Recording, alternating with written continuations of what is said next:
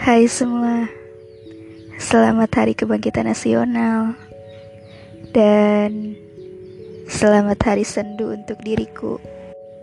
Sudah hampir tiga bulan, pandemi ini tak kunjung berakhir. Sedih ya? Dan tepatnya hari ini saya berusia 17 tahun. Seperti biasanya, saya menyambut kedatangan tanggal ini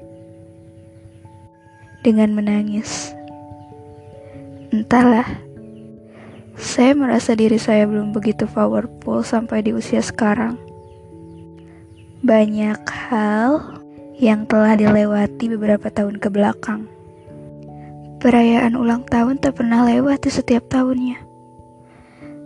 Tapi yang begitu sendu adalah saya selalu jadi orang yang tak pernah absen mengucapkan selamat ulang tahun kepada teman, tapi saya juga yang selalu mereka lupakan.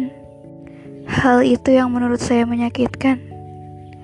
Tapi kini kita sadar ucapan-ucapan dengan harapan yang mereka beri tidak begitu berperan penting bagi kita. Semakin dewasa, kita semakin paham bahwa ucapan dan harapan-harapan yang paling berharga adalah ketika saya berdoa dengan tulus kepada Sang Pencipta. Keadaan memang tak bisa dipaksakan keberadaannya. Tapi coba berpikir dan pahami diri sendiri.